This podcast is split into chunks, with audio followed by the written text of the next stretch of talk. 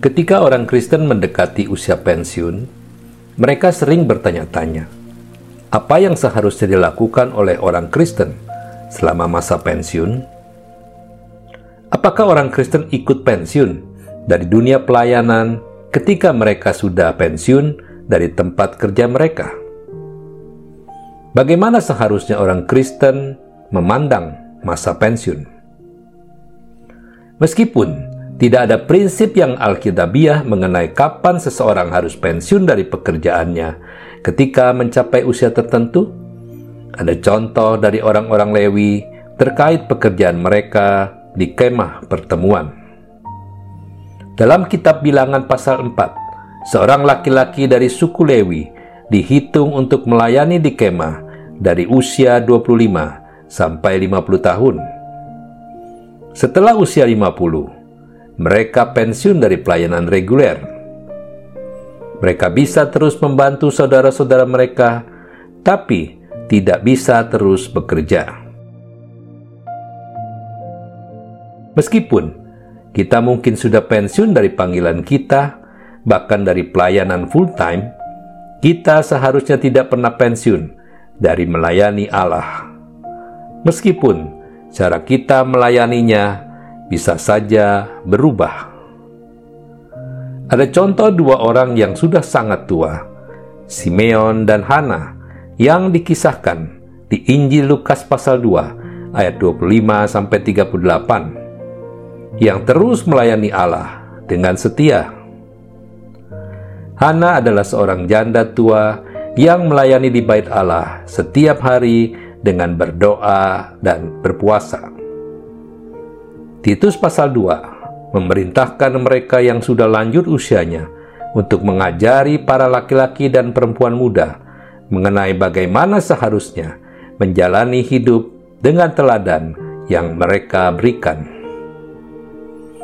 Ketika seseorang sudah lanjut usianya, waktu yang tersisa tidak seharusnya enjoy your time, yaitu hidup yang dihabiskan untuk sekedar mengejar kesenangan.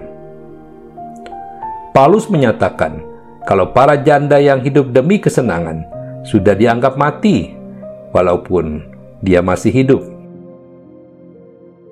Bertentangan dengan perintah yang alkitabiah, banyak orang menyamakan pensiun dengan urusan enjoy your time atau mengejar kesenangan jika memang memungkinkan.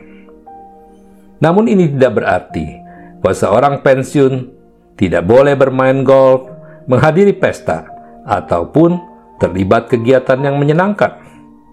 Tetapi hal-hal ini tidak seharusnya menjadi fokus utama dari kehidupan seseorang pada usia berapapun.